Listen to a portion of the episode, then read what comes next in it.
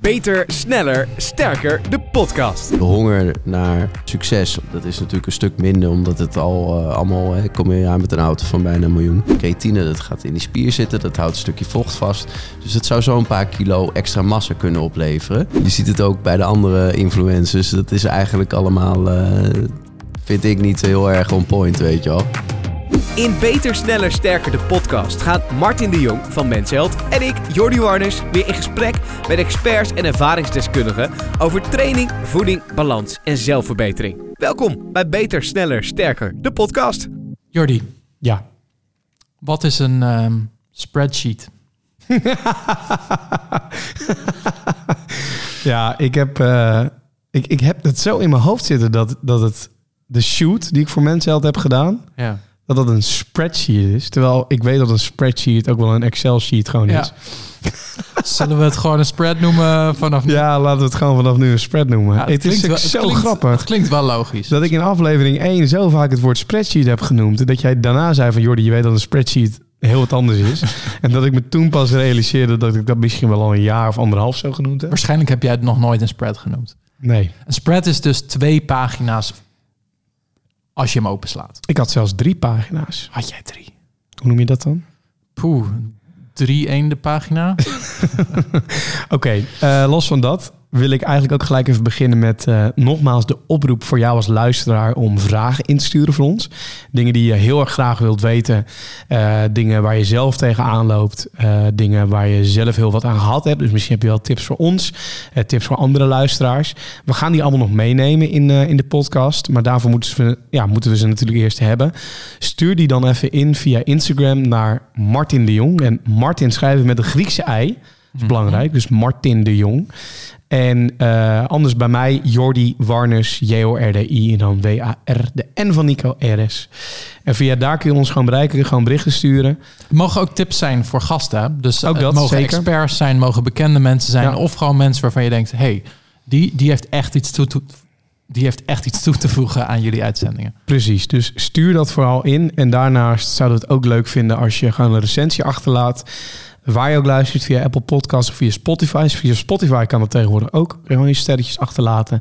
En spread the word. Eh, deel het met je vrienden, zouden we leuk vinden. Want hoe meer mensen luisteren, hoe meer mensen er misschien wel iets aan hebben. Het is goed voor de spreadsheets. Dit is goed voor de, voor de, voor de spreadsheets. Wat ben jij eh, op dit moment mee bezig in de gym, eh, Martin? Ehm, ik ben eigenlijk vooral aan het crossfitten. Crossfit, ja. Dus Oh, ja. eh, ik heb vanmiddag eh, aan het eind van deze podcast eh, ga ik een uur lang gymmen. En dat is gewoon een uur lang onder begeleiding van een trainer.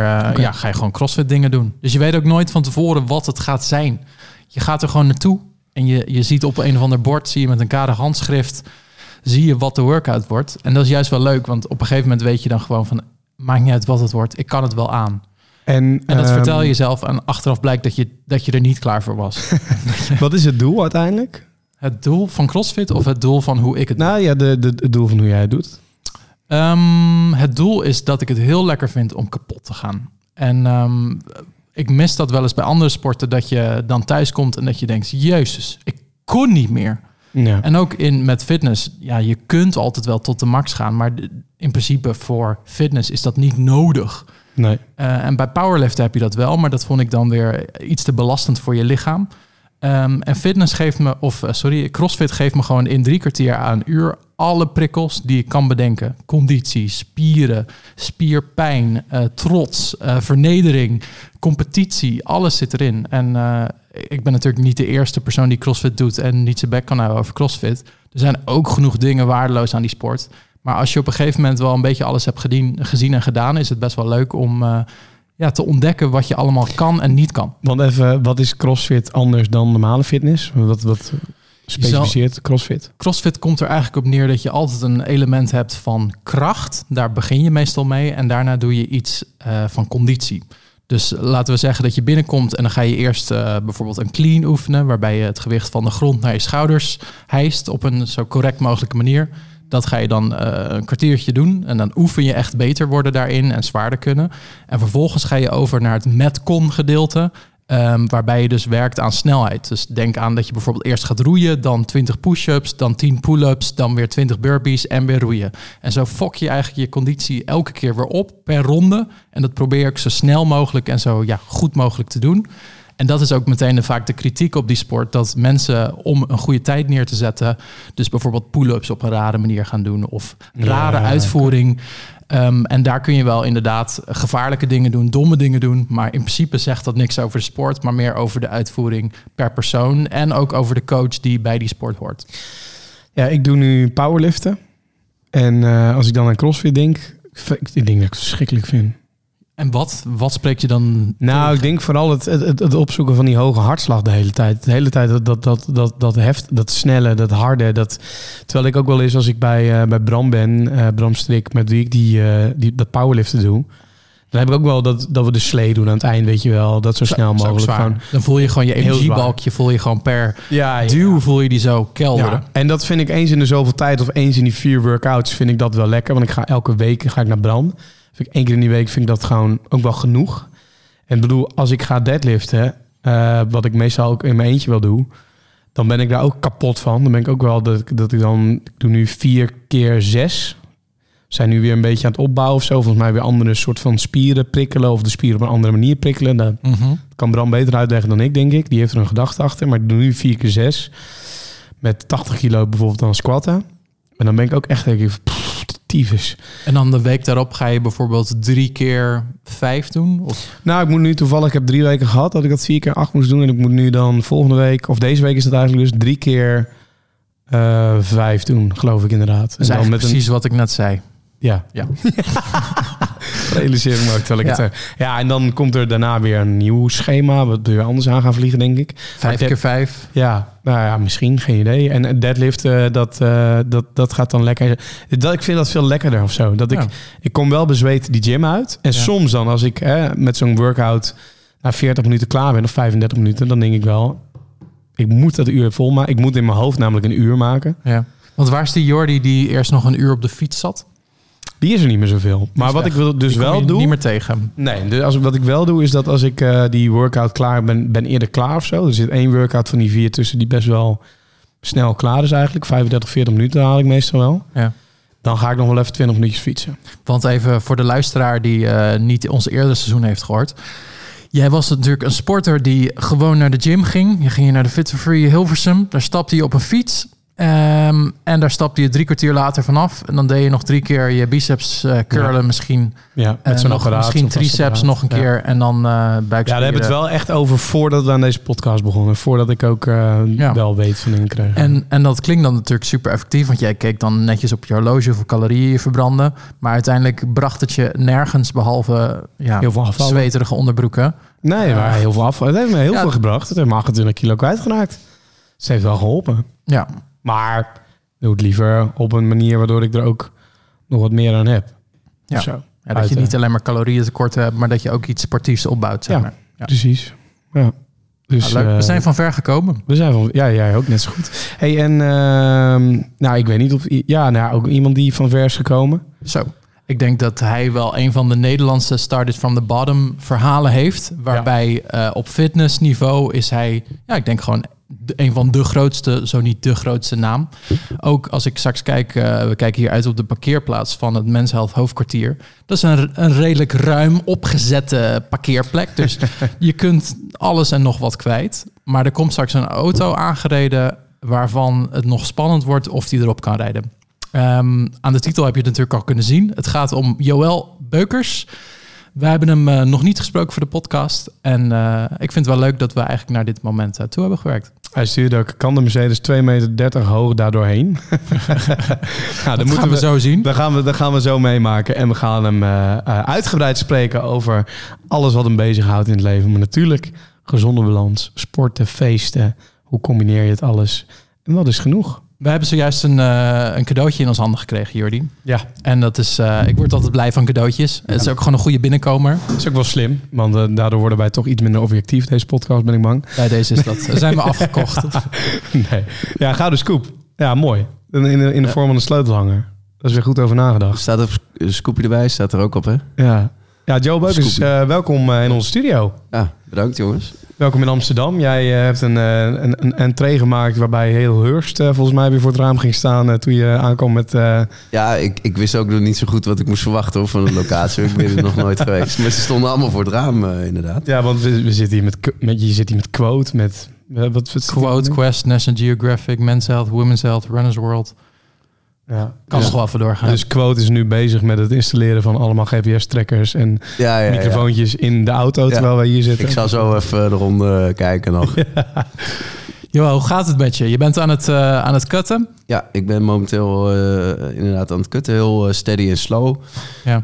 Het is natuurlijk februari en ehm, ik heb eigenlijk besloten om weer, net zoals dat ik vroeger altijd deed, gewoon altijd stabiel te blijven. Ja. Dus wat, wat is stabiel? Stabiel qua calorieën, qua... Sta- stabiel qua vetpercentage, dat je het niet meer zo ver laat komen in de winter. Eh, met het klassieke bulken. Mhm. Dus eh, de, de, de onderzoeken zijn er ook dat het achterhaald is, eh, dat bulken. Omdat je vaak ook veel te ver terug moet en daardoor ook steeds meer, veel, steeds meer spiermassa gaat verliezen. Naarmate dus te lang in een calorietekort zit om per se van de zomer weer droog te zijn met, met mooi weer. En nu probeer je gewoon het hele jaar door gauw droog te zijn. Want het is mijn merk. het lichaam. We hebben je wel eens gezien met echt een soort vaderschapsbuik. Dat je hem echt zo Zeker, helemaal ja. bol kon zetten. En eh, Ja. niet meer topvorm. En vanaf daar weer terug naar nul elke keer. En, Ja, nu, dat- en nu is het zeg maar... Er, er zijn geen buikjes meer in off-season. Het is gewoon altijd season. Klopt. Ja, en, en als je dus eh, bijvoorbeeld voor een shoot eh, te werk wil gaan, dan, dan ga je nog even wat verder. Ja. Dus dat je echt ader over je buik ziet lopen, zeg maar. En nu dinsdag, zei je net, dus over een week dat we dit opnemen, of ja, over een week is de fotoshoot. Ja. En hoe ziet dan deze week er nu uit? Wat, wat- Eh, deze week ziet eruit als eh, heel laag eh, in, de, in, de, in de koolhydraten. Dus dat, je, dat je nog meer depleted raakt. En hopelijk eh, dit weekend eh, geen alcohol. geen eh Gold Ride, dat is wel een dingetje. ik zie jou richting Sam, eh, Sam Hoogland die ook Ja, eh, mee is kijken. ja, want ze gaan weer met die clubs open en zo eh, dit weekend. Oh ja, tuurlijk, Dus dat ja. is even. Dat wordt een even- dingetje. Maar ik, ik, heb een, ik heb hiervoor iets geregeld. Want eh, de meiden die gaan even een eh, weekendje naar Parijs. Dus dan moet ik eh, thuis blijven bij de kinderen. Ja, en dat vond ik wel chill, want eh, dan, dan, eh, dan kan ik niet gaan zuipen. Stok achter de deur. Ja. ja. Dus eh, hopelijk eh, gaat dat goed. Dat er niemand eh, mij komt helpen daarin. eh, van, hé, moet ik even oppassen en zo. Behalve voor het trainen. En dan gaan we de laatste twee, drie dagen, misschien drie dagen... hangt vanaf hoe ik erbij sta... Gaan we, gaan we beginnen met laden. En dat laden doen we met koolhydraten. En zelfs nog op de laatste dag... of de ene, ja, de, de avond ervoor proberen... wat water eruit halen, maar niet extreem. Dus maar, door, maar worden het nog gekke dingen qua koolhydraten? Of is ook dat gewoon steady nu? Of, eh, op dit moment eh, gewoon eh, steady laag. ja. En bij het laden, dan ga je gewoon... dan, Worden de winegums uit de kast getrokken? Of, ja, bijvoorbeeld wijngums, ehm, snoepjes inderdaad. maar niet iets wat ook veel vetten bevat. Dus niet in één... Ja, ik, ik... Soms... Ik heb heel vaak wel gehad dat, eh, dat ik na de shoot een McDonald's ging eten... mhm. En dat het dan nog veel beter was. Dus Oh, dat ja. is dan toch wel weer met vetten en, en toestanden. En misschien heeft dat te maken met, eh, met de hoeveelheid zout die erin zit ook. Ehm, maar het kan ook zijn dat je gewoon misschien te weinig hebt eh, geladen in, in zijn totaliteit. Mhm. Dat kan ook. Maar over het algemeen staan we er veel harder bij de dag daarna nog. En ja, dus ik ben een beetje aan het twijfelen of misschien eh, nu toch even wat erin rammen de avond ervoor. Zo'n bekermerk een pizza of zo. Maar ja, daar moet je mee oppassen, want het Ja. bevat natuurlijk ook veel vetten. En je wil niet te veel Als je hem calorieën op dag hebben. 1 verpest, dan is hij de dag daarna niet ineens ook weer verbeterd. Dus misschien dan toch voorzichtig de eerste dag. Ja, dat sowieso. en ja. dan eh, de tweede dag gewoon kijken Ja. wat je kunt doen. Ja, dat is wel grappig, want we hadden natuurlijk Nick eh, Schilder hadden we in eh, uitzending 1. En ehm, die heeft dus twee fotoshoots voor de cover ingepland. Juist om die reden, omdat zijn coach ook zei van ja, luister, de, de kans dat je er de volgende dag nog beter uitziet, ja. die is er. En het is net als de wind, je weet nooit waar die vandaan komt, maar soms werkt het gewoon heel goed. Dus ja, een backup shoot is misschien geen Ja. overbodige luxe. Maar die luxe had ik niet eh, met die koffers van mij. eh. dat, was allemaal eh, bij over vijf weken koffer. Weet je wel. Jij was er wel rap bij elke keer, ja. Maar dit is Ja. ook wel bijgezegd hebben dat Nick ook dit zelf heeft ingehuurd nog, hè, de dag Ja. erna. Ja. Dus hij heeft zelf eigenlijk de hele crew Ja. gewoon voor een tweede dag nog een keer eh de, erbij Ja, geroepen. maar dat is wel een goede tip eh, voor in de toekomst. Ja, ik vond het ook wel, eh, ook wel bizar. Ook wel eh, dat ik dacht van zo, we hebben er echt veel voor over ook. Ja. Maar ja, logisch ook naar zo'n zo'n periode. En je hebt dit nu al zo vaak gedaan, dit kutten. Ja. Merk je nou dat je dan nu... Nou ja, nu twijfel je dus al inderdaad over dan die McDonald's. Maar merk je dat je deze week überhaupt, of het kut überhaupt nu anders aanpakt dan de Nee, ik, ik pak de hele situatie al heel anders aan. Want ik ben heel, eh, wat is het, vroeg begonnen. Gewoon dus heel langzaam. Ik doe eigenlijk gewoon alles wat ik moet doen. Dus ik, ik heb natuurlijk ook een wodka-merk. Ja, daar horen ook dingen bij. Eh, eh, bijvoorbeeld vorige week, donderdag, of nee, ja, vrijdag was het al, een meeting. Een belangrijke meeting. Ja, dan ga je niet aan tafel zitten eh, van eh, laten we water drinken. Dan moet je eventjes je wodka eh, schenken. Hè? Feeling erbij en... Die hakt er dan wel in. ja, ja dat, dat hoort gewoon, het hoort erbij. Dus ik fiets dat in die lifestyle. Ehm, eh, en in principe herstel je daar best wel snel van. En eh, kan je je trainingen eromheen plannen. Dat je dan, eh, als je dan eh, eh, naar de ratten bent, dat dat dan je rustdag is, zeg maar. Ja. Dus dat is prima. En tegelijkertijd hoor ik jou net buiten zeggen... ik ben nu het droogste dat ik, het ooit, dat ik ooit geweest ben. Nou, Of niet? dat eh, wordt moeilijk. Want eh, dat, dat was ik toen ik 25 was. En eh, eh, bij mijn ouders op de zolderkamer woonde en eh, eruit moest. En dacht van, nou, dit is mijn ticket. En dat Ja. werd het ook. Eh, dus ik ging heel extreem droog. Ook drie maanden niet eh, zuipen en noem maar op. Ehm, maar het, het komt in de buurt. Ehm, eh, van, dat eh, niveau in elk geval. En het is wel eh, het droogste in, eh, in, in een aantal jaar nu. Zeker eh, vijf jaar, denk ik. Als we alleen al het verschil eh, zien van jou, bijvoorbeeld jouw laatste en jouw eerste cover bij Men's Health, dan had jij veel meer volume en massa in de tweede ronde dan de eerste ronde. Eh, is het dan ook zo dat jij tegenwoordig ook veel meer spiermassa hebt dan wanneer je bijvoorbeeld 25 was en wat was het, Men's Fitness toen deed? Eh, ja, dan was ik acht of 17 of zo, ja. Dat is wel een heel ander lichaam. Maar die, eh, dat was dus een typisch gevalletje van eh, de eh, verkeerd laden inderdaad. Want er was iets privé gebeurd toen, de dag ervoor. En toen ging ik, moest ik met Dion even wat, de, wat wijnen drinken en wel dus die pizza erin rammen. Dat ging niet, dat pakte dus niet zo goed uit. Want als je kijkt bij die mens fit, Fitness for Men was dat ja. Ja. Als je kijkt naar die foto's in het blad, die waren een week later. ja. Ja, die, die zijn er gewoon keihard, die foto's. En ehm, Dus je hebt nog gesmeekt van doe alsjeblieft die op de ja, dat, dat ging niet meer. Want Nee. die koffers eh, die werden allemaal apart geschoten. Maar word jij nou met het jaar uiteindelijk wel beter? Of merk je dan toch, ik bedoel, je bent nu 3 34? Ik ben 33 en Ja. Merk je Ja. dat het nu al moeilijker wordt om er zo uit te zien? Of het, het wordt niet per se moeilijker door mijn, eh, door, nu per se door mijn leeftijd, maar wel vooral door de situatie waar je, eh, waarin ik eh, zit. Dus gewoon, het, gewoon een normale leven natuurlijk. Eén, de honger naar succes op dat gebied, dat is natuurlijk een stuk minder, omdat het al allemaal, hè, kom hier aan met een auto van bijna een miljoen. Dat, dat is anders nu. Snap je? Ik heb andere prioriteiten. Ehm, mijn honger naar succes ligt nu echt in de, in de, in de businesskant, zeg maar. Dus daar zit mijn energie in. Plus natuurlijk het hebben van kinderen is ook een hele andere situatie. Ehm, ten opzichte van op het zolderkamertje zitten eh, bij je ouders wonend en niks anders hebben. Behalve de gym als, als, als zeg maar een plek waar je gewoon de hele dag kan hangen, omdat je toch niet eh, de hele dag bij je ouders wil zijn. Kijk, dat is, dat is de situatie.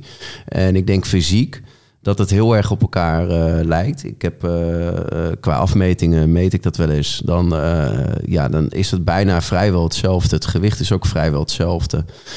Want het trainen natuurlijk naturel. Dat, Mhm. dat, is, dat is de bijkomstigheid van naturel trainen. Dat je gewoon een plateau raakt. Maar dat plateau maakt mij niet zoveel uit. Want ik ben op zich tevreden met die gozer van 25. eh, van mijn eigen situatie. En dat is zeg maar mijn ehm, streven om dat in elk geval te behalen. Naarmate ik ouder word. En ehm, je hebt nu dit succes. Je hebt heel veel jongeren, heel veel mannen kijken naar je op. En die hebben zoiets van, vet. Ten eerste het succes, maar natuurlijk ook gewoon het gedeelte waarom iedereen je is begonnen met volgen ook. Vanwege de sport, vanwege het fitness.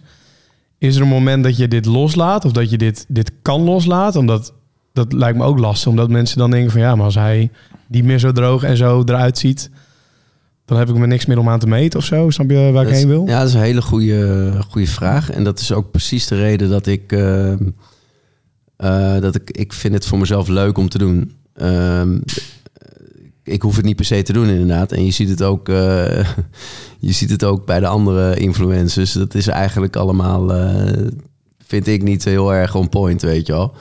Dus en ben heb ik zelf ook eh, wat laten gaan in het begin van succes hebben inderdaad. En eh, andere prioriteiten. Maar nu denk ik echt van oké, ik ga nu tot sowieso tot mijn veertigste gewoon de, de, de fucking man zijn.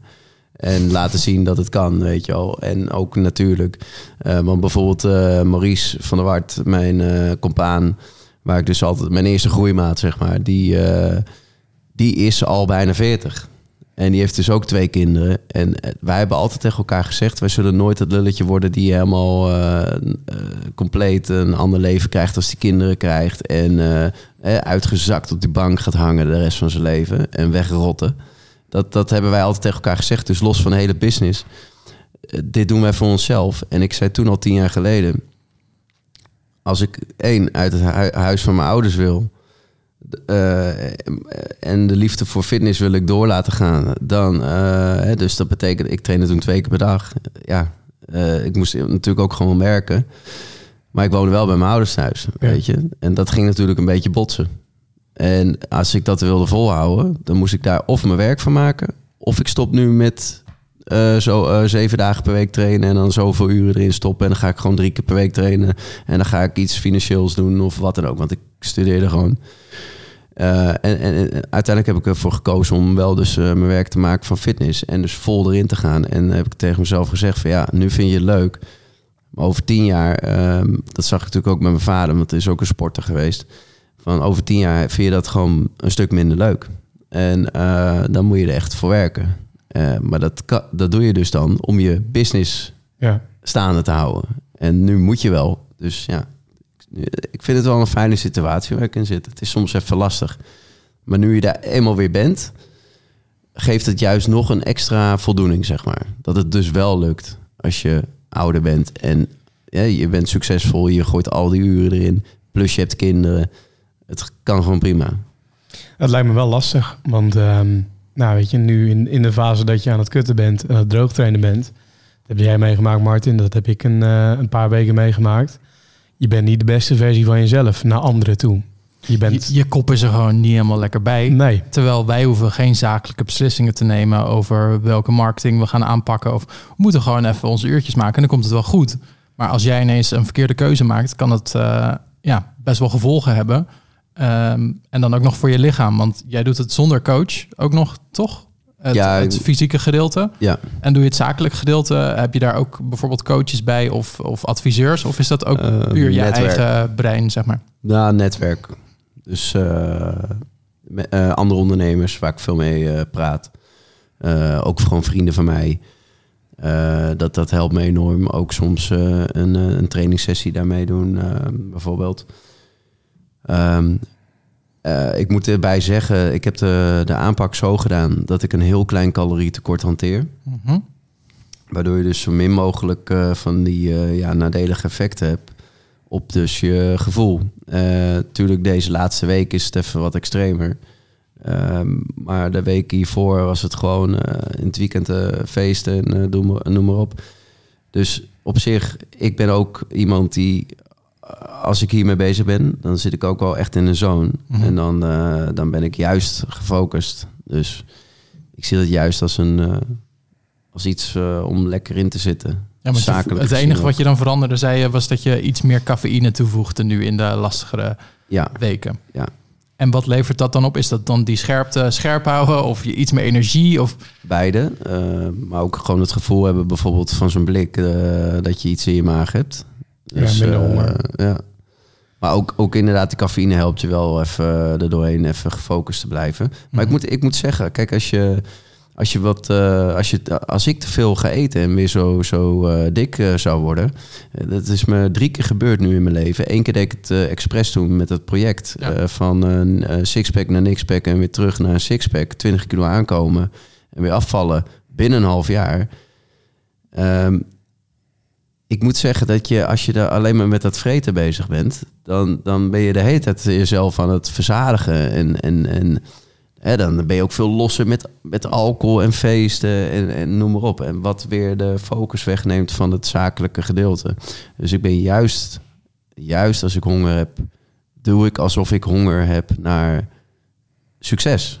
En dan ga ik juist weer, weer de, de vol in gewoon. Is er iemand die dan zegt, joh, luister, doe even rustig. Of hou je nou even in. Of bijvoorbeeld met de auto, wat voor heel Oh. veel marketing heeft gezorgd. Maar is er dan iemand die zegt van, Mijn moeder, ja.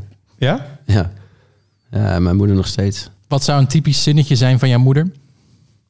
Moet je dat nou wel doen? De- of, eh, Is je, hebt, nou nodig? je, je hebt ook... eh, je, je kinderen kunnen daar een hele leven van de school, eh, weet ik veel, dat soort dingen. Ja. Ze is natuurlijk ook oma, hè, dus... eh, En, en weet je haar dan uiteindelijk te overtuigen na een tijd? Of? Ja, dan eh, inmiddels eh, is, is, zijn die gesprekken al wat korter geworden. Maar dat was wel altijd wel. het is moeilijk te overtuigen. Het, is je moeder, weet je wel. Die zal altijd anders erover denken. En mijn vader, die, die denkt dan wel weer zo van. Nou, als jij dat moet doen, dan moet je dat doen, jongen. Ja. Het zijn natuurlijk hele extreme beslissingen soms. En heeft ze dan ook wel eens... Is het wel gelukt, zeg maar, van haar om jou ergens mee te stoppen? Of ergens tegen te houden dat je dacht van... Ah, misschien heeft ze nu wel gelijk. Nou, ja. Eigenlijk niet, nee.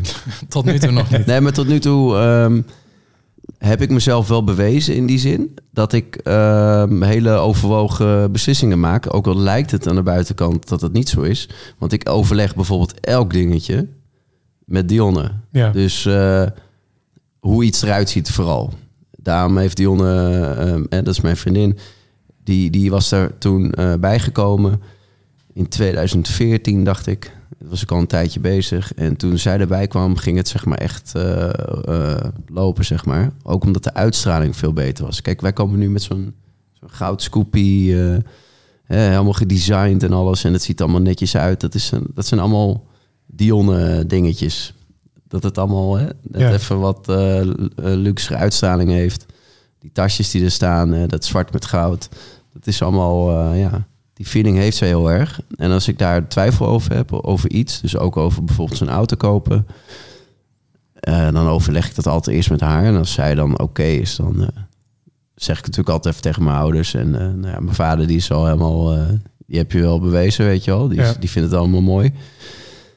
En je moeder zal altijd zeggen van, eh, moet je dat nou wel doen? En Wat, vond, goed ook wat niet. vond zij bijvoorbeeld van een alcoholmerk?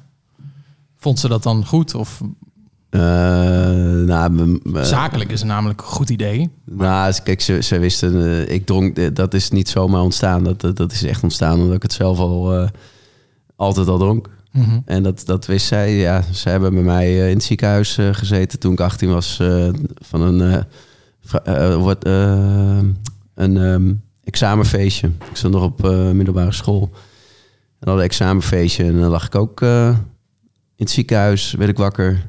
Met mijn ouders ernaast. Maag Van de wodka. Nou, die was wel leeg. Ja. Maar hartslag, kijk, ik had ook een sportershartslag, maar die was gewoon eh, steady eh, rond de 30. Tering. Dat is wel laag. Ja. En ehm, is dat ook, want dit, dit klinkt dan heel extreem. Is, is- dit ook hoe jij bent? Dat jij in Nou, het extreme blijft doorgaan en dat het dan nu vooral in het goede is? Dat klopt. Je probeert, ehm, het is je persoonlijkheid, dus altijd extreem, altijd voor goud gaan, altijd het maximale. Eh, natuurlijk leer je ervan, want sindsdien ben ik natuurlijk nooit, ja natuurlijk, sindsdien ben ik nooit meer in het ziekenhuis geweest met alcohol. Die houden we even zo. Je weet me nooit. Ehm, naarmate je ouder wordt, eh, kan je er ook veel minder goed tegen hoor, met je, met je lichaam. Dus ehm, eh, daar leer je gewoon van. En ehm, je kan het inderdaad, die, die kracht die je hebt, kan je toepassen in iets waar je passie voor hebt. En dat is wat ik, eh, ja, wat ik gewoon met plezier doe elke dag. Ja. Is het je ooit wel eens nadelig komen te staan dat, ehm, dat, dat je zo uitgesproken bent dat alles zo goud is, dat alles zo extreem is. Ik, ik moet bijvoorbeeld heel vaak nog uitleggen aan mensen ehm, dat jij nu ook zo rustig bent zoals je hier bent. Weet je wel, we praten heel chill over je leven, over sport, op een hele normale manier. Tegelijkertijd zie je natuurlijk het gros van de mensen jou schreeuwend in een auto zitten en die denken alleen maar, wat de fuck is dat voor mogol? zeg ik het ja. heel oneerbiedig. Nee, daar heb je helemaal gelijk in. Maar die, dat, dat, ik kan me ook voorstellen dat het ook nadelen met zich meebrengt. Nou, de, de nadelen die vallen mee, maar dat was inderdaad in het begin vooral eh, eh, zo. Eh, maar door dit soort podcast te doen, ehm, kan ik mezelf op een andere manier ehm, ja, gewoon laten zien wie ik echt ben. En ehm, kijk, ik ben allebei echt. Alleen het is hetzelfde, zeg ik altijd, als een rugbywedstrijd. Op het veld, dan ben je helemaal fired up. En dan is het gewoon elkaar helemaal kapot tackelen en beuken. Ja. En, eh, en, en eh, zo af en toe een eh, stompje hier en een stompje daar. Eh, maar na, het, na de wedstrijd, dan ga je gewoon met elkaar eh, in dezelfde kantine een biertje drinken. En dan ben je gewoon een gentleman. En dat is wat ik probeer over te brengen met fitness. Als je daar op dat parkeerplaatsje staat met je scoopies, met je groeimaat en een lekker setje. Dan wil je niet die, eh, deze toon horen, zeg maar. Dan wil je gewoon eventjes horen dat je die schuiven door het dak heen moet remmen. ja. Ja. We staan weer op scherp. Ja, ik kan is- me voorstellen. Ja, ik heb bijvoorbeeld eh, de docu gekeken van eh, Michael Jordan. En ehm, waar ik bij jou wel eens afvraag is... ehm, mensen klappen heel graag voor helden en die letterlijk groeien, die stijgen in het leven. Maar op een gegeven moment komt er zo'n moment dat iedereen wil zien dat iemand valt. Zeg maar. en, en dat is gewoon iets raars. En dat is ook wel heel Amerikaans. Maar het is altijd juichen voor de underdog. En op het moment dat hij succes heeft, dan zoeken ze eigenlijk naar hoe je iemand kapot moet maken. Is dat in Nederland ook zo? Ervaar jij dat ook? Ik denk dat je dat nu heel erg ziet eh, met al die tafereelen die nu eh, op tafel eh, komen. Mhm.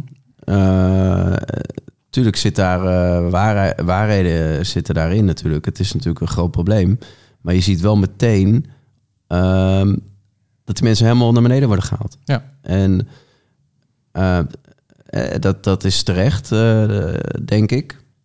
Ik weet natuurlijk niet eh, het fijne allemaal ervan. Maar als dat allemaal echt zo is natuurlijk, dan is het eh, natuurlijk terecht. Maar je ziet wel zo- zonder dat er echt eh, bewijs is geleverd, is het wel meteen boom erop. En ja, dat is wel waar we in leven nu. En ik vind ehm, dat je daar als bekend persoon sowieso rekening mee moet houden. Ja. Zodat je niet van die rare dingen moet doen.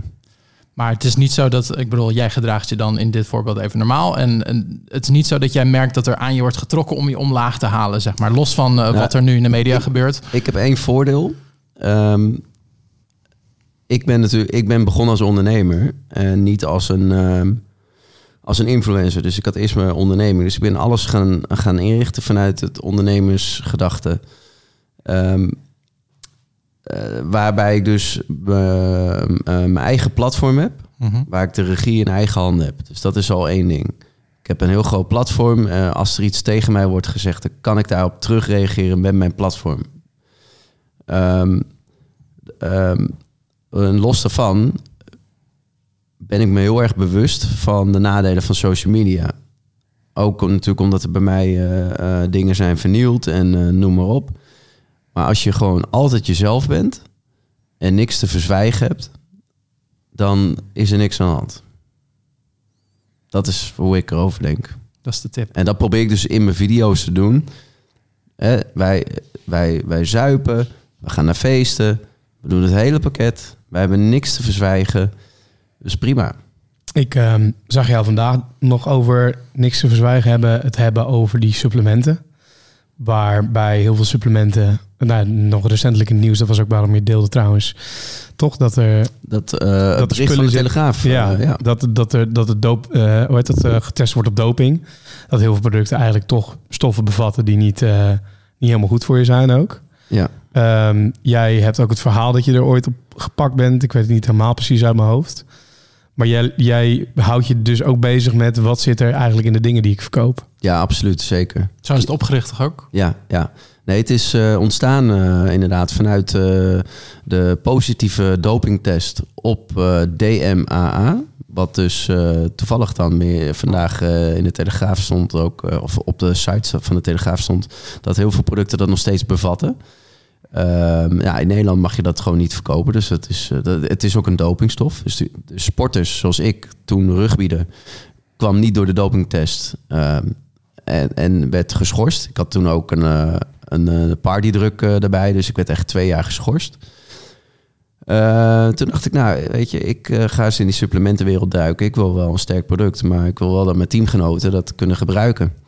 En zo zijn we begonnen met een pre-workout product dat ehm, dopingvrij was, maar niet alleen dopingvrij. Ook waar je gewoon precies op kon zien welke hoeveelheden je binnenkrijgt. De samenstellingen, die werden toen nog in proprietary blends neergezet. Op al- vooral de Amerikaanse producten. En dat- betekent dus dat je bijvoorbeeld een samenstelling hebt van in totaal 5 gram. En er staan dan, eh, er staan dan eh, eh, ja, 20 stofjes tussen.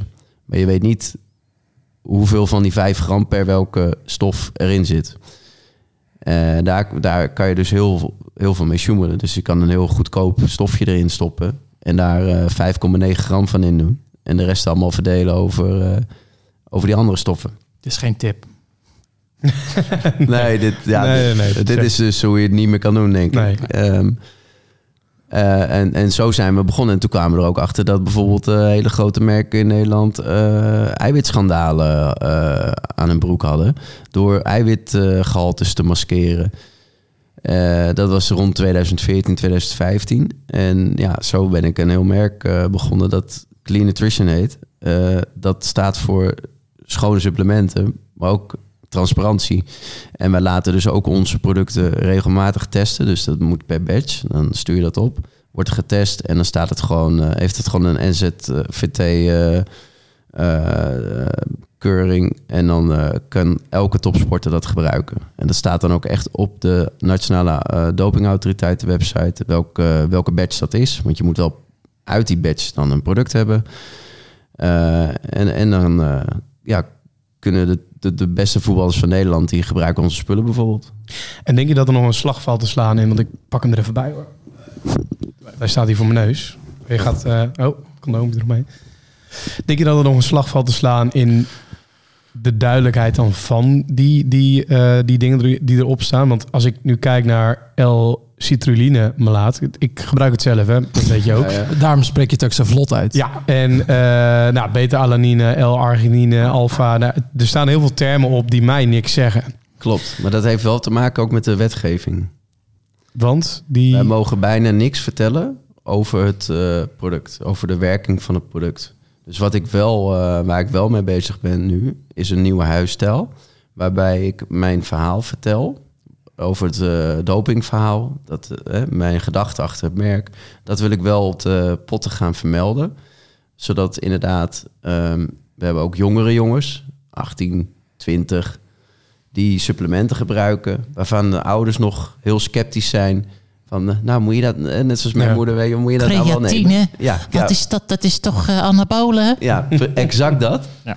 Ehm, die dan misschien dan op de keukentafel de potjes zien staan en mijn verhaal lezen. En ik, nou, dat, eh, dat, eh, dat klopt. Dus daar zijn we nu mee bezig. Ja, maar hoe zit dat dan? Je mag, je mag niet uitleggen wat bijvoorbeeld beta-alanine doet. Of Je, je mag niet te veel over het... eh, ja, dat klopt. Je mag er niet te veel over zeggen. Niet, bepaalde dat is niet alleen voor voedingssupplementen, maar dat is ook bijvoorbeeld voor eh, ja, ja, eigenlijk allerlei soorten dingen die je kunt eten. Ja, Maar heeft het ware autoriteit die gaat erover. what the En het heeft ook te maken met... eh, die kijken ook naar de tekst op je website. En in Nederland zijn ze vrij streng. Amerika is het allemaal veel, eh, veel losser. Canada ook. Ehm, eh, maar dat, ik vind het juist wel een goed ding. Eh, het- zijn natuurlijk supplementen, geen wondermiddelen. En dat werd natuurlijk Nee. heel Amerikaans. ja, bigger muscles, bla bla bla, zo zo zo. Kijk, de, de echte literatuur die vind je in, in wetenschappelijke onderzoeken die ze hebben gedaan. En ja, als je echt iets wil weten over de stof, dan of ik vertel dat zelf in mijn eigen podcast, bijvoorbeeld met eh, Maurice van der Wart erbij. En dan gaan we helemaal eh, op die producten in. Ehm, of eh, je kan wetenschappelijke artikelen lezen. Nou, ik vind het zo gek, omdat bij medicijnen krijgen we de hele bijwerkingboekjes erbij. Zelfs bij paracetamol. Eh, terwijl hier zou ik eigenlijk ook van willen weten, toch? Ja. Eigenlijk wat het is. Niet, dat, niet per se dat de bij... Ja, Zou je willen weten hoeveel je er per dag mag nemen? Eh, zou je willen weten van, hey, eh, pas op als je dit Nou. neemt, dat je niet ook nog dat erbij neemt? Want Kijk, wat ik, wat ik wel denk als ik dan kritisch ben. ehm, kijk, jullie, jullie rammen die scoops naar binnen. En ik weet, jij, jij let op hoeveel cafeïne je binnenkrijgt op de dag. Dat is, Ja. dat is in deze week wat meer vanwege het kutten. Ja. Ja, ik zelf heb daar ook op gelet. Martin, jij ook. Ja, maar ik, Ik heb daar ook wel eens enorme fouten in gemaakt. Nou ja, ik, ik- volgens mij weet ik nog 500 milligram per dag is een beetje het gemiddelde wat je als mens zou moeten kunnen hebben. Ehm, ja, voor, ze zeggen in Nederland voor een man ongeveer 350 milligram. Nou, dat kun je nagaan. Dat Eh, maar dat, lager. dat is waarschijnlijk gebaseerd op een man van 75 kilo gemiddeld. Oké. hoor. Wacht even. Iemands kuit gaat weer... hè, Ja, mijn hamstrings zijn vandaag benen.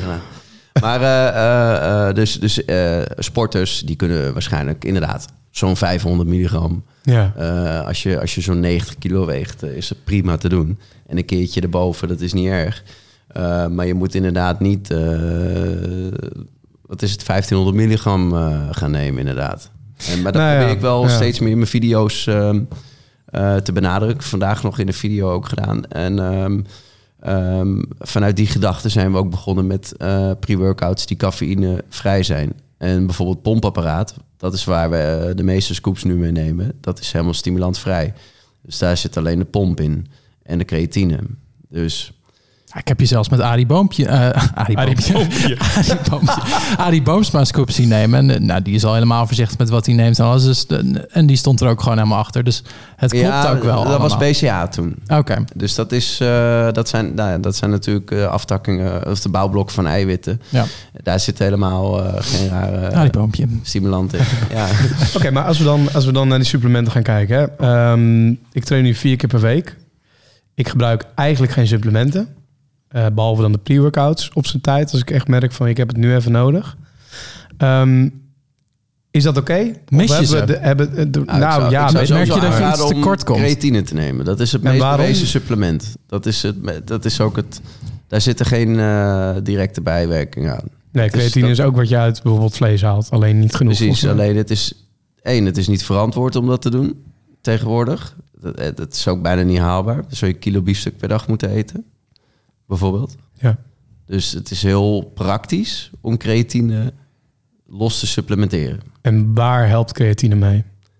Dan, ja, dan, met de explosieve kracht eigenlijk. Dus de eerste paar herhalingen, daar zou je je profijt in eh, kunnen halen. Maar het geeft ook een stukje massa. Want creatine, dat gaat in die spier zitten. Dat houdt een stukje vocht vast. Dus het zou zo een paar kilo extra massa kunnen opleveren. Wat vetvrij is. Dus ook als jij dan je dagelijkse caloriebehoefte met bewegen en, en, en sporten... dat wordt ook net even iets groter. Dus je kan wat meer eten. En meer bankdrukken of meer deadliften in jouw Ja, Heb jij- geval. heb jij het eh, gebruikt? Ja, eh? zeker. Maar ik vind eh, gebruiken vind ik dan alweer zo'n lastige Ja. term. Want ik vind Ja. creatine gebruiken klinkt alweer gebruiken. precies wat jouw Nee, moeder zou je, zeggen. ja. Het is ik gewoon neem wel eens creatine. Ehm, ik ken eigenlijk één persoon die neemt het niet. En dat is omdat hij eh, bewust is van zijn haargrens. En die is dan, eh, er zijn onderzoeken geweest waaruit bleek dat het je haarlijn kon verdunnen. Nou, dat is de enige reden die ik ooit heb gehoord om het niet te nemen. Ehm, en ja, ik, ik, zweer er wel bij dat het ineens ben je dan aan het benchen en dan denk je, jezus, het gaat makkelijker. En dan besef je ineens, shit, ik ben twee weken geleden begonnen met creatine. En dan voegt het ineens, wordt het, gaat het wat makkelijker. Ja. Maar het, het is dus niet zo, dat, dat, dat hebben mensen bijvoorbeeld ook met riemen omdoen. Dat je ineens van, oh, het wordt makkelijker met een riem. Of, oh, het wordt makkelijker Nee. met creatine. Nee, alles helpt erbij, maar je kunt het ook prima zonder. En ik denk eigenlijk voor jouw vraag net, van wat ik ook vroeg van, mis jij iets? Merk je dat je 's ochtends wakker wordt en denkt, fuck, ik voel me eigenlijk best wel moe. Of dat je juist voor trainen geen energie hebt. Of dat je het niet goed herstelt. Of dat je eiwitten tekort Nou, komt. Kijk, Dat zou de eerste vraag moeten ik zijn. ook het doel uitgesproken om voor het eind van het jaar 200 kilo te kunnen deadliften. Ga je dat nu bij deze BOL in de gym doen?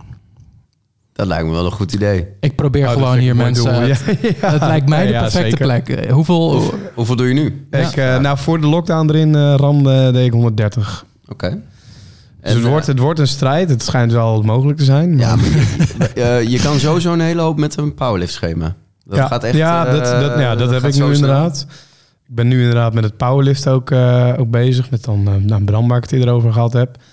Ehm, dus hij is ook wel overtuigd dat, dat ik het wel ga halen. Maar hij zei ook, en dat kunnen jullie allebei denk ik beamen... dus ik- Het is leuk dat, je- dat ik 130 voor de lockdown heb gedaan... of dat ik überhaupt 130 heb gedaan. Mhm. Maar hoe hoger je in de gewichten gaat, hoe minder snel het gaat. Toch? Ja, maar ik denk dat eh 200 kilo voor bijna wel elke man eh, haalbaar is. Dus het is niet zo dat jij zegt, ik wil 300 liften. Nee. Snap je? Nee, dat is Dus het jaar ik denk daarna. dat er heel veel winst te behalen valt. U, eh, waarschijnlijk met techniek, was- eh, frequentie vooral. Dat is, dat, dat, dat is waar het bij powerliften ook om gaat. Ja. Dat je frequentie hebt, dus dat je meerdere keren per week erop traint. En ook veel slimmer. Dus dat je niet jezelf elke training helemaal kapot maakt. Dat is juist niet de bedoeling. Dus je gaat, je gaat niet elke training die 130 proberen en dan te overtreffen. Nee, Nee, je gaat nee. juist veel, een hele, hele stap terug. Techniek goed. Eh, en, en, en zorgen dat je alles periodiseert. Ja. Heb jij, eh, doe jij wel eens een soort van powerbuilding schema's? Want ik zie jou best wel regelmatig al die zware compound oefeningen doen. Of is dat gewoon zo een onderdeel van je schema dat je... De- de- nu ik eh, ehm, natuurlijk steeds ouder word ehm, en, en natuurlijk limiet fysiek gezien zo'n beetje heb bereiken met deze droogte eh, en, en vooral ook de lifestyle hoor. Ehm, vind ik het een hele mooie uitdaging om juist meer te gaan liften. En eh, dat is nu gelukt. We zijn eh, begonnen met, eh, met iemand die de Goud Droog Challenge heeft gewonnen. Die, die was toevallig powerlift kampioen bij de junioren. Dat, die heette Hennis. Die heet Hennis. En die, eh, die is nu onderdeel van eh, Clean Nutrition ook. We willen dat ook meer gaan eh, betrekken naar onze volgers toe en eh, klanten. Ehm, omdat het, daar ligt gewoon een hele mooie uitdaging. Om, om je max eh, extreem te verhogen met, met, met de juiste manier van trainen. Ja, want je kunt niet zwaar liften zonder goede techniek. Dus eigenlijk powerliften klinkt super extreem. Maar het is eigenlijk de basis van de sportschool. Ja, Terwijl niemand begint met powerliften. En, Nee. en daar hebben we Ja, het al eens alleen- eerder over gehad. Het is super goed om juist wel te beginnen met powerliften. Alleen die jonge jongens, dat zegt hij zelf ook. Het, het is een jonge jongen nog. eh, ik geloof 21 of 22. En eh, hij zegt er wel bij van, eh, ja, het, het- juist die jonge jongens die gaan toch wel hun vorm verpet- verpesten. Ja. Eh, en, en gaan daardoor ja, verkeerd liften wel. Dus Ja, ik had het laatst nog ehm, iemand eh, die, die me volgt, die zei van joh, eh, ik ben ook gaan deadliften, maar eh, ik heb er de hele week al last van gehad dat ik het op maandag heb geprobeerd. Hm. En toen zei ik ook ja, ik, en toen iemand anders die vroeg ook nog van ja, eh, dat deadliften moet ik het ook een keer proberen. Ik zeg eh, ja, proberen kan geen kwaad, maar doe het alsjeblieft wel met iemand erbij die, die weet hoe je dit doet. Die, die ook weet hoe je de techniek toepast voordat je zelf je rug gaat vertillen. Ik ben, ik ben echt Bram bijvoorbeeld dankbaar voordat ik dat ik de techniek bij hem geleerd heb. En dat dat ook in eerste instantie het allerbelangrijkste was. Ja, maar dat is natuurlijk ook wel lastig als je eigenlijk alleen maar vlogs kijkt van mensen die echt goed en heel zwaar kunnen liften. Nou, kijk je even bij Joël, maar oh, 140. Oh, dan eh, komt eh, Sam even voorbij. Oh, dan doet even 130. Ja, dan denk jij niet eens na dat je misschien bij 60 zou moeten beginnen. En dat is geen verwijt natuurlijk naar, naar de heren die goed liften. Maar dat is, ja, het, het, het, het schetst een realiteit die niet altijd past bij iemand van inderdaad 17 of 18 die net begint. Hoe lang lift jij al, Joël? Ja, mijn hele leven. Mijn hele leven. Ja, dat is wel even wat anders dan iemand die... lichaamsgewicht eh, vanaf dat ik 7, 8 was. En, eh, Wacht, en- wacht, wat? Ja, kijk, onze vaders, en ze kijk nu naar Sam, en die, eh, die eh, dat, ze- dat waren rugbyers, daar keken wij erop. En wij we rugbyden zelf ook vanaf onze zesde. En daarvoor werden we op judo gezet. Dus om, om, eh, om te leren tackelen en alles. Ja. Dus, dus wij eh, kwamen bij rugby. Ik was een heel dun ventje. En ik dacht van ja, ik moet even wat extra's doen. Dus mijn vader gaf gewoon zo'n eh, Arnold Schwarzenegger bodybuilding boek. En er stonden allemaal thuisoefeningen in. En dat waren gewoon de simpele dingen. Push-ups, squats, eh, allemaal met lichaamsgewicht. Optrekken in de trap gehad, dat soort dingen. En dat heb ik gewoon gedaan totdat ik eh 15 was. En vanaf onze 15e gingen we al met rugby eh nou, die compound oefeningen doen. De squat, deadlift en de bench. En toen ik 16 was, ging ik gewoon fulltime de gym in. Volgens mij is dit wel wat ze zeggen met de paplepel ingegoten. Ik heb nog nooit zo'n voorbeeld gehoord Ja. van een vader die zo bewust al met zijn zoon bezig was naar zo'n doel toe werken. Ja, dat was ook omdat ik er heel erg interesse voor had. Mijn Ja. broer bijvoorbeeld helemaal niet. Die sport gewoon niet. Ja. Dus Maar was je dan, mm, zeg maar, stel je voor, eh, we introduceren jou of je vraagt tien mensen op straat die jouw naam kennen, dan is het, oh, Joël, eh, ja, bekend van de, de, de poeders. Zou je niet liever als sporter bekend willen zijn geweest? Dat, oh, oh, hij doet ook nog supplementen. Dat supplementen eigenlijk het supplement van je verhaal is in plaats van nu in zo'n groot deel. Of Nee, maakt het je niet uit? Nee, nee zeker niet. Ik, ehm, eh, ik wil juist weg van dat sporten. Oké. Dus eh, vandaar dat we... Ik, want er, is meer dan sport, eh, snap je? Dus hoe, hoe, hoe lang... Kijk, dat is ook een stukje wat we met rugby hebben. Van jongs af aan rugby. Dat is heel zwaar op je lichaam. Ja. Eh, dus blessures, maar de ziekste blessures die, je- die je kan bedenken. Eh, Sam die heeft allemaal schroefvallen in zijn- sleutelbeen eh, zitten. Die kan je aanraken. Eh, het, is, het, het, het is best wel eh, heftig voor jonge jongens. Zeker als je nog iets wil doen met je leven eh, na, na je twintigste, weet je wel. Eh, de reden dat ik ben gepakt ook op die andere stof eh, in, in de dopingcontrole, dus MDMA, was ook omdat ik heel lang geblesseerd was. En dacht van, ik ga nou eens een keertje feesten en alles. Ik was student. Ehm, eh, en door die blessure eigenlijk kon ik ook niet goed spelen. Dat, dat bleef maar terugkomen. Dus ik was eigenlijk best wel blij dat die, dat die schorsing kwam. Want we gingen niet vanuit onszelf zeggen van stoppen. Dat, dat doen wij niet. Dat zijn rugbiers, weet je wel. Dat doen wij niet. Dus dan blijf je daar een beetje in hangen. Dus ik, ik ben daar wel ehm, ehm, natuurlijk mee doorgegaan met fitness en, en, en het hele pakketje. En nu ben ik weer op zo'n fase gekomen dat ik denk van... nou, ik heb veel meer te vertellen dan alleen fitness. Ja. Ik kan heel veel dingen vertellen over ondernemen, over mindset. Eh, ik, kan, ik kan merken bouwen. Ehm, en ik vind het heel leuk om ehm, die nieuwe weg in te slaan van ons YouTube-kanaal, waarbij ik dus het fitnessen wat meer wat losser heb gelaten. Dat ik echt dat kanaal gebruik om juist met die groeimaten interactie te hebben in die video's. Hè, bijvoorbeeld eh privéjet, eh, we nemen winnaars mee eh, naar festivals met René Zonneveld, dat soort acties. En anderzijds heb ik het YouTube-kanaal Clean Nutrition, waar we gewoon wel dagelijkse video's posten van sporten, eh scoopies, gek doen, zoals de oude video's, maar ook soms dus zo'n podcast setting als dit, eh, waarbij we heel inhoudelijk gaan vertellen over eh, bepaalde supplementen, maar ook bijvoorbeeld bepaalde oefeningen, wat jij zegt, dat we echt de oefening, de basis, duidelijk proberen te maken in zo'n video. En dat gaan we ook dus doen met die powerlift jongen, Hennis. En dan gaan we echt die oefeningen op een normale manier vertellen, in plaats van dat wij met 300 kilo staan te liften. Dat is allemaal wat we gaan toevoegen nu aan Clean Nutrition.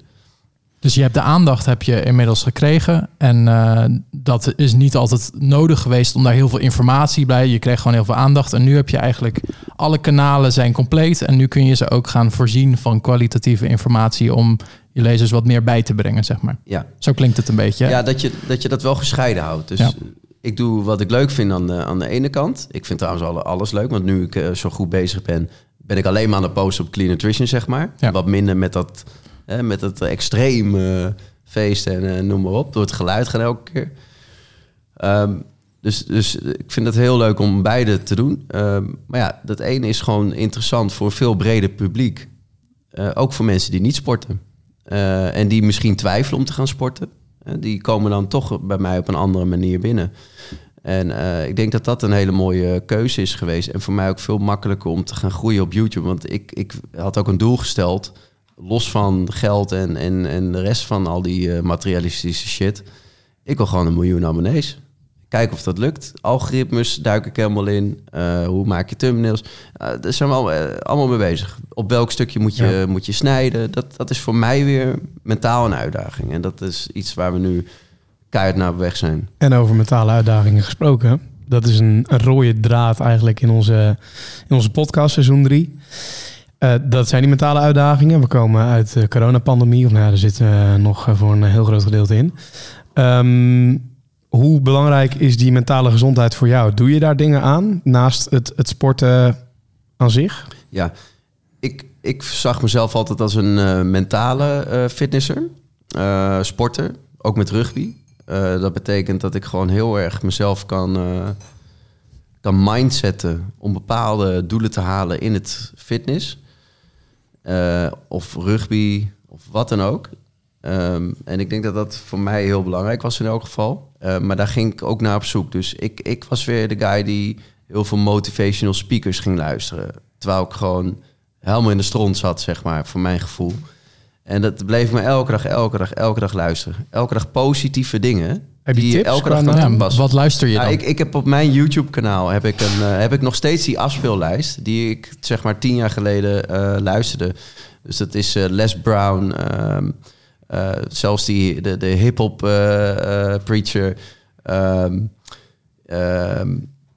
eh, movie quotes zitten er ook allemaal in. Ik vond het mooi omdat dat, eh, dat waren motivational eh, ehm, ehm, eh, sp- speeches. Ja, hoe noem je dat? Motivational video's, gewoon compilaties van bepaalde ehm, ehm, fragmenten van die motivational speakers bij elkaar in één zo'n video met muziek eronder. En het werkt gewoon. Wat, Nou, het, het werkt gaat erom gewoon. dat je- is het- lekker. Het gaat erom dat je elke dag dat aan jezelf vertelt van het komt goed, jij bent succesvol. En dan ga je geloven dat je inderdaad die, dat succes eh, bent. Ja. En daar begint het mee.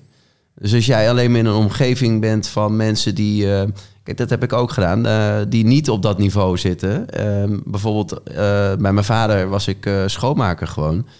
Ehm, ja, je, je bent dan niet met mensen waar je per se beter van wordt. Ehm, die, die, die hebben een prima leven, dat is hun ding. Eh, prima. Alleen ik wist van binnen, ik heb veel meer, weet je wel. Dus ik was alleen maar bezig, hondje uitlaten naar mijn werk. Hup, motivational speakers op. Was ik een uur weg in de regen. Helemaal, helemaal grimmig gewoon, weet je wel. Dus juist op gewoon. dus op momenten dat je je slecht voelt, luister je dat. Op momenten dat je je goed voelt, luister je dat. Ja, nou vooral op mijn slechte momenten, ja. En, en naast dat, ehm, Thomas van de Vlucht, Stuk TV, eh, entertainment coach, of nou gewoon een mental coach had hij. Eh, Nick Schilder. Doet aan meditatie, vertelde hij over. Is daar een uur mee bezig, maakt hem een beter mens. Heb, heb jij eh, coaches in dat opzicht? Psychologen of... Nee, ik was altijd heel erg eh, ehm, zelf... ik, ik ga niet eens naar de dokter, weet je wel. Nee. Ik ben heel erg van het zelf oplossen. Ehm, want ik heb ook ehm, heel veel last gehad van ehm, hyperventilatie, paniekaanvallen, noem maar op. Maar eh, ook omdat het te maken had met mijn eh, sportershart. Dus mijn hart is gewoon wat groter dan een normaal hart. Waardoor de, de, de paniekaanvallen heel heftig werden. Omdat je echt dacht, nu eh, ga je eraan, weet je wel. Ja. Dus je hartslag is dan eigenlijk zo laag dat als hij dan ook maar wat, wat verhoogder Nou, is, dat het dan nog het- intenser voelt? Of, Als je, als je hyperventileert, dan kan je de, de, dan, dan krijg je symptomen van een, van een hartaanval, zeg maar. Mhm. Eh, en en dan, dan wordt het een paniekaanval als je daarin gelooft. Oké. En dan had ik ook, dan ga je nog erger hyperventileren. En dan kom je in een visuele cirkel. ehm, waarbij je dan dat hart, dat, dat gaat dan, eh, maakt een overslag bijvoorbeeld. Eh, dat, dat hebben heel veel mensen in Nederland, die voelen dat niet eens. Alleen mijn hart is gewoon wat groter, dus dat voel je. En, en, en dan eh, kom je echt in een eh, visuele cirkel naar beneden.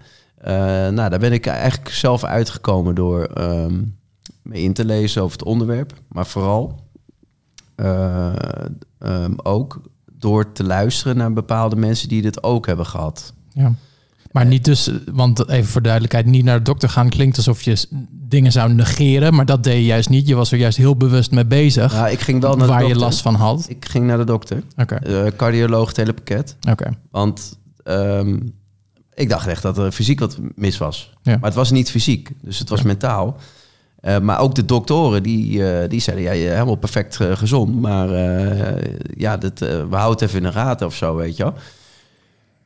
Ehm, eh, wat minder gaan trainen, eh, de frequentie in elk geval. Dus het hart is weer eh, normaler geworden, dus dat is allemaal positief. Maar komt het dan door stress? Of wanneer krijg je het- zoiets? nou, Kun je het weer voorspellen ik heb- wanneer het heb- zou gebeuren? Ik heb van, ook, nou ja, dat, toen wel, ja. En dat- ik heb het er met, met heel veel mensen over gehad.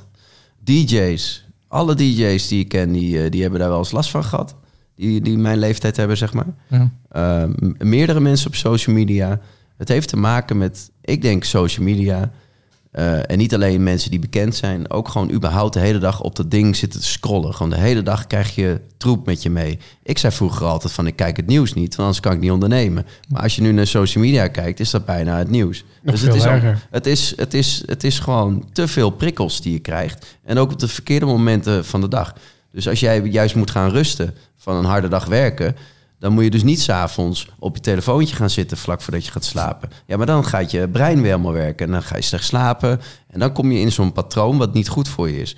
En, en dat, dat is dus tip, tip nummer één. Je telefoon vaker wegdoen. Ik heb twee telefoons. Eentje zonder apps, behalve de, de belangrijke dingen. Ehm, hè, mijn bankzaken en dat soort dingen. En, en de andere is gewoon mijn normale telefoon. Maar die, die normale telefoon, die moet je gewoon eigenlijk niet eens je, je hele slaapkamer binnenbrengen. Wie heeft hem allemaal wel niet eh, gewoon eh, naast eh, zijn hoofd liggen, weet je wel? Maar doe je dat nu dus ook niet meer? Nou, de- kijk, dat is soms lastig als je natuurlijk kinderen hebt. Dan moet je af en toe wel gewoon zorgen dat je bereikbaar bent. Ehm, en ook voor andere dingen. Alarm en dat soort toestanden. Maar daar heb ik nu dus een andere telefoon voor in principe. Vind ik een leuke tip. Want meestal is het, is het juist van... Oh, ik heb twee telefoons, nog meer prikkels. Maar, en of oh, doe je telefoon uit. Maar deze tip van een telefoon zonder apps is mij nieuw. Ja, vind ik, vind ik ik heb bijna mijn oude 3310 eh weer in elkaar gezet. Maar ja, daar kan je net even te weinig mee. Ja, maar dat bedoel, als je een nieuwe telefoon nodig hebt, iedereen doet hem weg. Mhm. Hou hem. Maak Ja. je tweede telefoon van. Wat geen idee. En jij bent een DJ, Jordi. Ehm, we hoorden net dat veel DJ's dus blijkbaar die paniekaanvallen wel eens ervaren. Eh, heb jij dat van collega's gezien of van jezelf? Is dat een thema in jouw werk geweest? Of hebben we het dan Nou, over kijk, eh, club DJ's? Dat, dat denk ik eerder, dat, eh dat Joel dat bedoelt. Want Ja. die zijn net even iets meer aan stress ondervonden. Ja. Op een andere manier ook. Ik bedoel, die reizen de hele wereld over en, en dergelijke en dergelijke. Avicii-verhaal bijvoorbeeld. Ja. Ehm, ik heb dat zelf met paniekaanvallen, stress en dergelijke ook niet. Maar ehm, ik bedoel, daar hebben we het ook in een vorige podcast over gehad. Ook ik struggle met mijn dingen en ben ook bezig in een psychologisch traject. Omdat ik eh, van mijn hobby mijn werk heb gemaakt. Ik denk dat dat bij basis ook bij de DJ's wel zo is. Iemand maakt van zijn hobby hetgene waar hij altijd passie en liefde et cetera voor heeft gehad.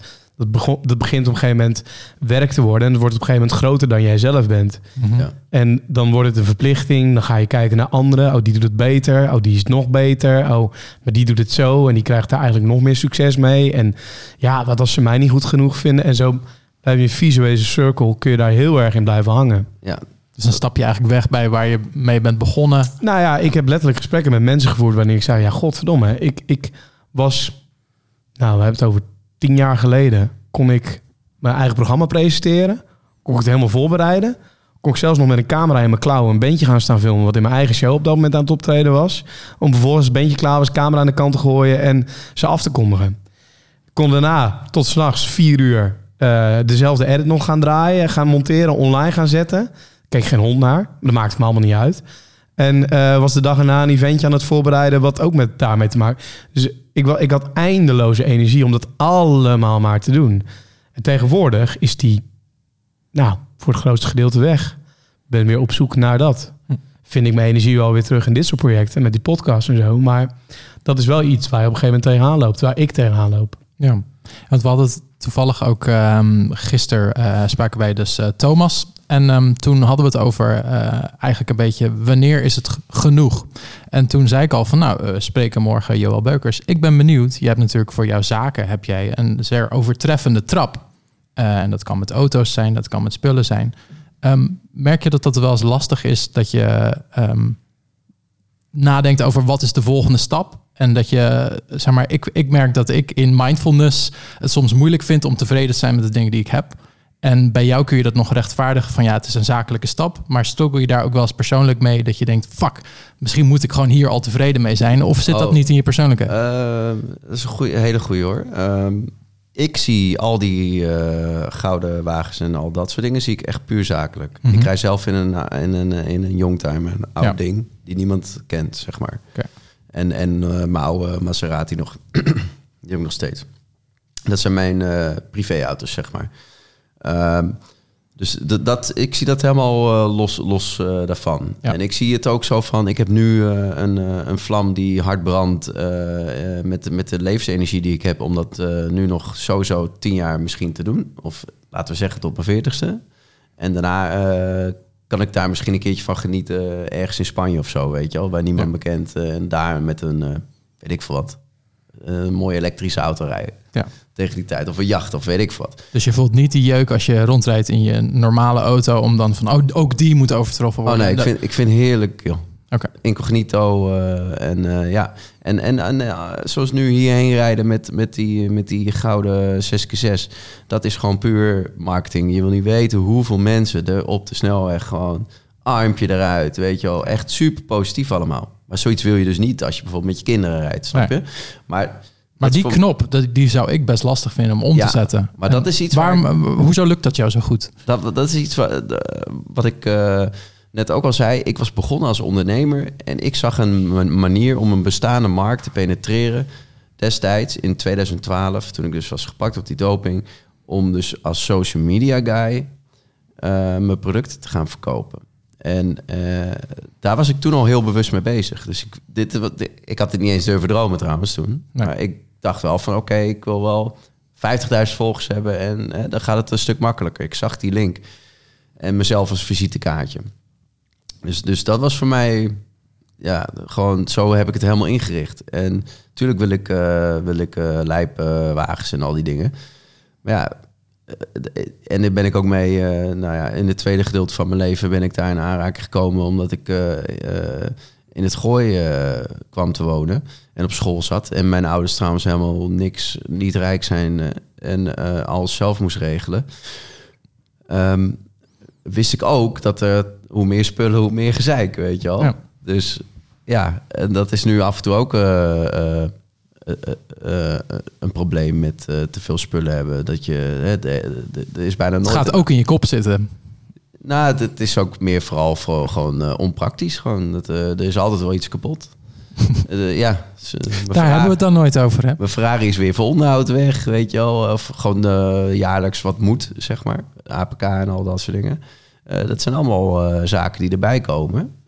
En dat kan trouwens ook leiden tot, eh, tot eh, je mentale gesteldheid. Dat je daar ook weer helemaal met je kop in zit te malen. Ja. Ehm, los ervan, in, eh, over, over overtreffende trap weer eh, terug te komen. Ehm, eh, je hebt natuurlijk altijd je pieken.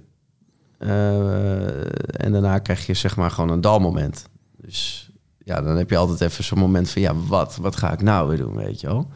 En dan voel je je even kut gewoon. Geestelijk, zeg maar. Dan denk van, wat, wat gaan we nu weer doen? Weet je, hoe gaan we die kar weer, eh, weer aantrekken? Ik wil weer terug naar dat niveau van die, van die piek.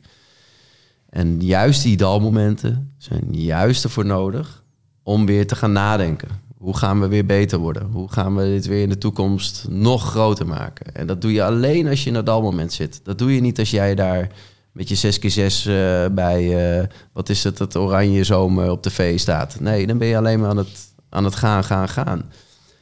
En juist heb je die dalmomenten nodig om eventjes weer verder te komen.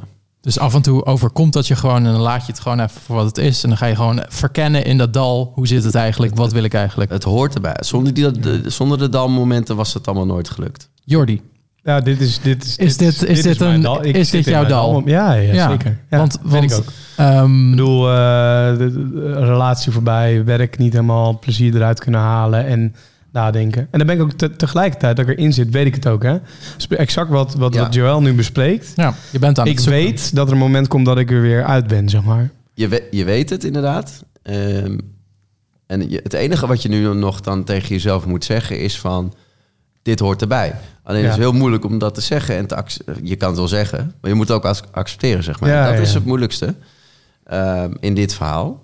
Ehm, maar dan is mijn advies voor iedereen die dit heeft... dus ook voor jou nu... dat is gewoon go with the flow. En op een gegeven moment heb je het gewoon. Bam. Schiet, Ja. het, schiet iets te binnen... waardoor jouw leven weer beter gaat worden. Ik weet nog heel goed, want ik stuurde Joël een bericht. Joh, die goud droog tra- training, is dat wat voor mij, denk je? Ook met als, als, als soort van rondzoekende kijken naar, oké, want niet omdat ik per se weer eh super droog wil worden.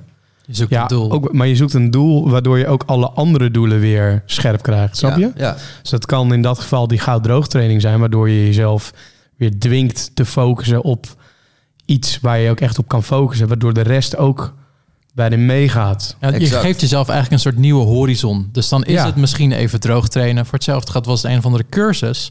Maar die horizon kies je uit en daar ga je strak op. En dat is ook, zeg maar, dan, dan, dan weet je ook hoe je dagen eruit gaan zien. Dan weet je ook hoe je weken eruit gaan zien. Je hebt gewoon tat, tat, tat, tat. En de rest eromheen, daar hoef je je minder klopt. zorgen om te maken of zo. Dat bedoel ik dus met go with the flow. Ja, En eh, dat is misschien iets te globaal gezegd. Dat is dus wat ik helemaal bedoel met die hele lifestyle. Wat er ook gebeurt, we gaan naar die fucking gym. ja. En dan komt de rest vanzelf. Maar als je dat ook niet meer gaat doen, kijk, dan kom je weer echt in een neerwaartse spiraal. En dat wil je niet. Dus het enige wat we dus altijd hebben in een constante is gewoon die gym. En de rest die komt vanzelf. En die, en die constante die heb ik dan godzijdank nu wel weer. Mhm. Maar dat is ook gewoon iets waarom... ehm, en, en ik denk dat Joël dat nog veel meer mee heeft gekregen dan ik. Maar ja, dit, dit was natuurlijk gewoon... Afgelopen twee jaar was, was dramatisch. Het is gewoon... Nou, juist ook Bizar, omdat toen die voor horizon iedereen. voor iedereen ook weg was. Ja, dus gewoon- juist als je dan fitness hebt eh, en dat wordt weggehaald, ja, dan zit je ineens weer met jezelf, met je gevoeltjes. Ja. Ja, en nu? Ja, ik heb, ik heb, eh, ik heb natuurlijk mijn eigen gym en, en, en, en alles. Eh, maar ook ik had wel dat gevoel van... eh, je hebt gewoon inderdaad eh, niets om naar uit te kijken, zeg maar. Ja. En, en eh, je business... Kijk, mijn business draait er ook om. Hè? Dus als mensen niet kunnen trainen, wordt er ook eh, minder besteld. Dus eh, dat vind ik iets erger dan zelf even niet kunnen trainen. Waar, ik je, waar je jarenlang hebt gewerkt, zeg maar. Ehm, en je moet al je, de rest van je shit betalen. Dus... ehm, maar ehm, ja, los daarvan probeerden we alsnog altijd positief te blijven. En, en dus die, die home workout video's en al, het glas zit altijd half vol. En heeft het ook invloed gehad op jullie vriendengroep? Want kijk, ik, ik zie jullie met elkaar optrekken, maar heeft het jullie als vriendengroep zo hecht gemaakt ook door dat fitness? Of waren jullie ook zonder fitness wel gewoon... Nee, dat is ha- hand in hand. Groeimaatje, dat kwam eh, daar vandaan. Dat, dat stuurden wij eh, over, de, over MSN voordat we gingen slapen als we hadden getraind. Weet je nog een MSN-naam van jou van vroeger? Eh, Lord Beukers, geloof ik. Zoiets. Of, eh, nee, Vegeta, Vegeta. Ik was altijd Vegeta. Dakje NL. Met eh, Tactical Ops. Dus als iemand nu luistert en die denkt... Nou, ik heb tegen Vegeta, Dakje NL gespeeld op Tactical Ops. Dan, Dan was jij het. dan was ik het. Wat ik grappig vind aan... we spreken natuurlijk best wel veel sporters en ondernemers. Veel sporters zijn goede ondernemers. Maar veel ondernemers zijn ook goede sporters. Ik, ik vind het toch interessant dat dat vaak zo hand in hand gaat. Dat als je verstand hebt van hoe je je lichaam moet opbouwen... dat je dan blijkbaar ook een soort knop hebt in je hoofd... waardoor je weet eh, hoe je een bedrijf moet opbouwen. En misschien is het ook een kwestie van geduld hebben... dat ze daar zo goed in zijn. Maar het, telkens weer komt het terug. Ben jij een goede ondernemer? Ik ben een prima ondernemer in de zin van ik kan heel snel hele goede ideeën hebben. Maar ik ben weer niet iemand die daar minuscuul eh, zo elke dag zo een beetje aan gaat sleutelen of zo. Ik wil gelijk all in dit doen, het uitvoeren, rennen, rennen, rennen, rust, rennen, rennen, rennen. Ja, de, eh, er is één ding wat, eh, wat, wat, wat sporters en ondernemers gemeen hebben. En dat is discipline. En dat is dus wel inderdaad elke fucking dag die kleine dingetjes doen. Mhm. En, en dus proberen in te beelden... waar sta ik over een jaar, over vijf jaar... En, en daar dus elke dag naartoe werken. En dat, is eigenlijk, dat gaat eigenlijk hand in hand met, met natuurlijk fitness. Dat je je fysieke opbouwt. En dat, is, dat gaat niet in één dag. Nee. En dat is ook met een onderneming zo. En eigenlijk bijna hetzelfde qua tijdsbestek tegenwoordig. Want je hebt bijvoorbeeld ehm Marijn Schoeber. Die, eh, die hebben we natuurlijk ook in de podcast gehad. Nou, dus samen zijn jullie, denk ik, fitnessend Nederlandse ongeveer qua eh, influencerschap. Nou, En ja, jawel. En- ja, oké. Ja. En toevallig, allebei eh, zijn heel bewust op het, op het zakelijke gebied. Ehm, alleen bij hem zie ik nog een verschil dat hij er ook wel mentaal aan onderdoor gaat. Waar jij juist mentaal ja, blijkbaar een soort barrière weet te houden, waardoor je niet zo persoonlijk daardoor geraakt wordt. Want hij is eigenlijk aan zijn eigen succes ten onder gaan, terwijl jouw succesverhaal still going strong, zeg maar. Ja, eh, ik, heb, ik heb daarin. ehm, ehm, ik, ik, mijn beweegredenen om te ondernemen waren vrijheid. Dus ik waardeer dat heel erg, dat ik persoonlijke vrijheid heb. Dus dat ik geen. Ik heb bijvoorbeeld geen planning. Ja, nu eh, hebben we enigszins eh, een planning nu ik personeel heb en zo, anders kunnen ze niet met mij werken. maar ik haat het als er dingen in mijn agenda staan. Ja, dat, dat haat ik. Eh, dus ik wil bijvoorbeeld gewoon kunnen zeggen van... eh, joh, ik eh, ga nu met mijn zoon spelen, want die komt uit school, bijvoorbeeld. Ehm, en, ik heb natuurlijk een business gekozen die... ehm, een internetbusiness. Dus iets wat je overal ter wereld kan doen. Eh, daar heb ik zeg maar ook eh, een stukje... eh, er was ook iemand die ik trainde, die heeft mij daar heel erg bij geholpen. Dus die heeft bijvoorbeeld bepaalde boeken aangeraden van, nou, dit moet je gaan lezen, want het past heel erg bij jouw concept. En zo is het allemaal gaan groeien. Maar wel met de, in je achterhoofd van, ik wil mijn vrijheid niet kwijt. En als je dat, ehm, als je daar dus inderdaad niet mee bezig bent, dan kan je inderdaad op een gegeven moment eh, zwaar onder druk komen te staan. En dat is iets wat ik probeer te vermijden in elk geval. Om exponentieel te kunnen groeien. Ik denk dat we er wel zijn. Ik denk dat wij ehm, een heel duidelijk beeld hebben gekregen vandaag. En denk ik ook weer heel erg geïnspireerd zijn. Ja, ik vind het ook een leuke kennismaking. Ik heb jou al een aantal keren gezien, maar nooit echt eh, gesproken, zo één op één. En eh, ja, ik vond het leuk om met je zo te praten op zo'n manier. Dus uh, dankjewel dat je daar ook tijd voor nam. En ja, de tips die je geeft, het, zeg maar, hoe we je zien is vaak niet zo nuchter, maar de tips zijn allemaal zo nuchter en zo simpel eigenlijk. Ja, dat, dat, is, dat is wel fijn luisteren. Dat is mijn filosofie eigenlijk gewoon, hoe ik te werk ga. En ik vond het hartstikke goud om hier te zijn, jongens. Bedankt. Succes de komende twee weken. Dat Ja. zal uh, Ja, de niet komende makkelijk week nog, worden. toch? Ja, komende week. eh, en ik moet er wel bij zeggen dat het wel eh, op dat. Ik probeer het wel zo lang mogelijk te maintainen, zeg maar. Ja. Dus eh, misschien zelfs nog ietsjes naar de zomer toe. eh, met zo min mogelijk spiermassa verlies. En dan eh, gewoon eh, knallen. Gaan en als je met de bus gaat eh, of überhaupt door het land rondrijdt, nou, misschien tijdens de release van deze podcast dat ze Ja, die is dan er niet meer hangen of ze, of ze hebben er gehangen in ieder geval. We hangen de komende twee weken in elk geval vanaf nu. Ja, Vanaf, vanaf donderdag. Dus dat is over. eh, welke datum is het nu? 8, dus 10 eh, februari en dan twee weken. overal billboards, vet. Thanks eh, Joël voor het, eh, voor het langskomen naar Amsterdam. Ehm, jij als luisteraar van de podcast, ja eigenlijk wat ik aan het begin ook zei, laat even een recensie achter in Spotify, Apple Podcast. Deel het met je vrienden. Inspireer andere mensen met de, met de verhalen die hier voorbij hoort komen van de sporters, de ondernemers die hier aanschuiven. En weet ons altijd op Instagram te vinden om ook vragen te stellen, tips te geven.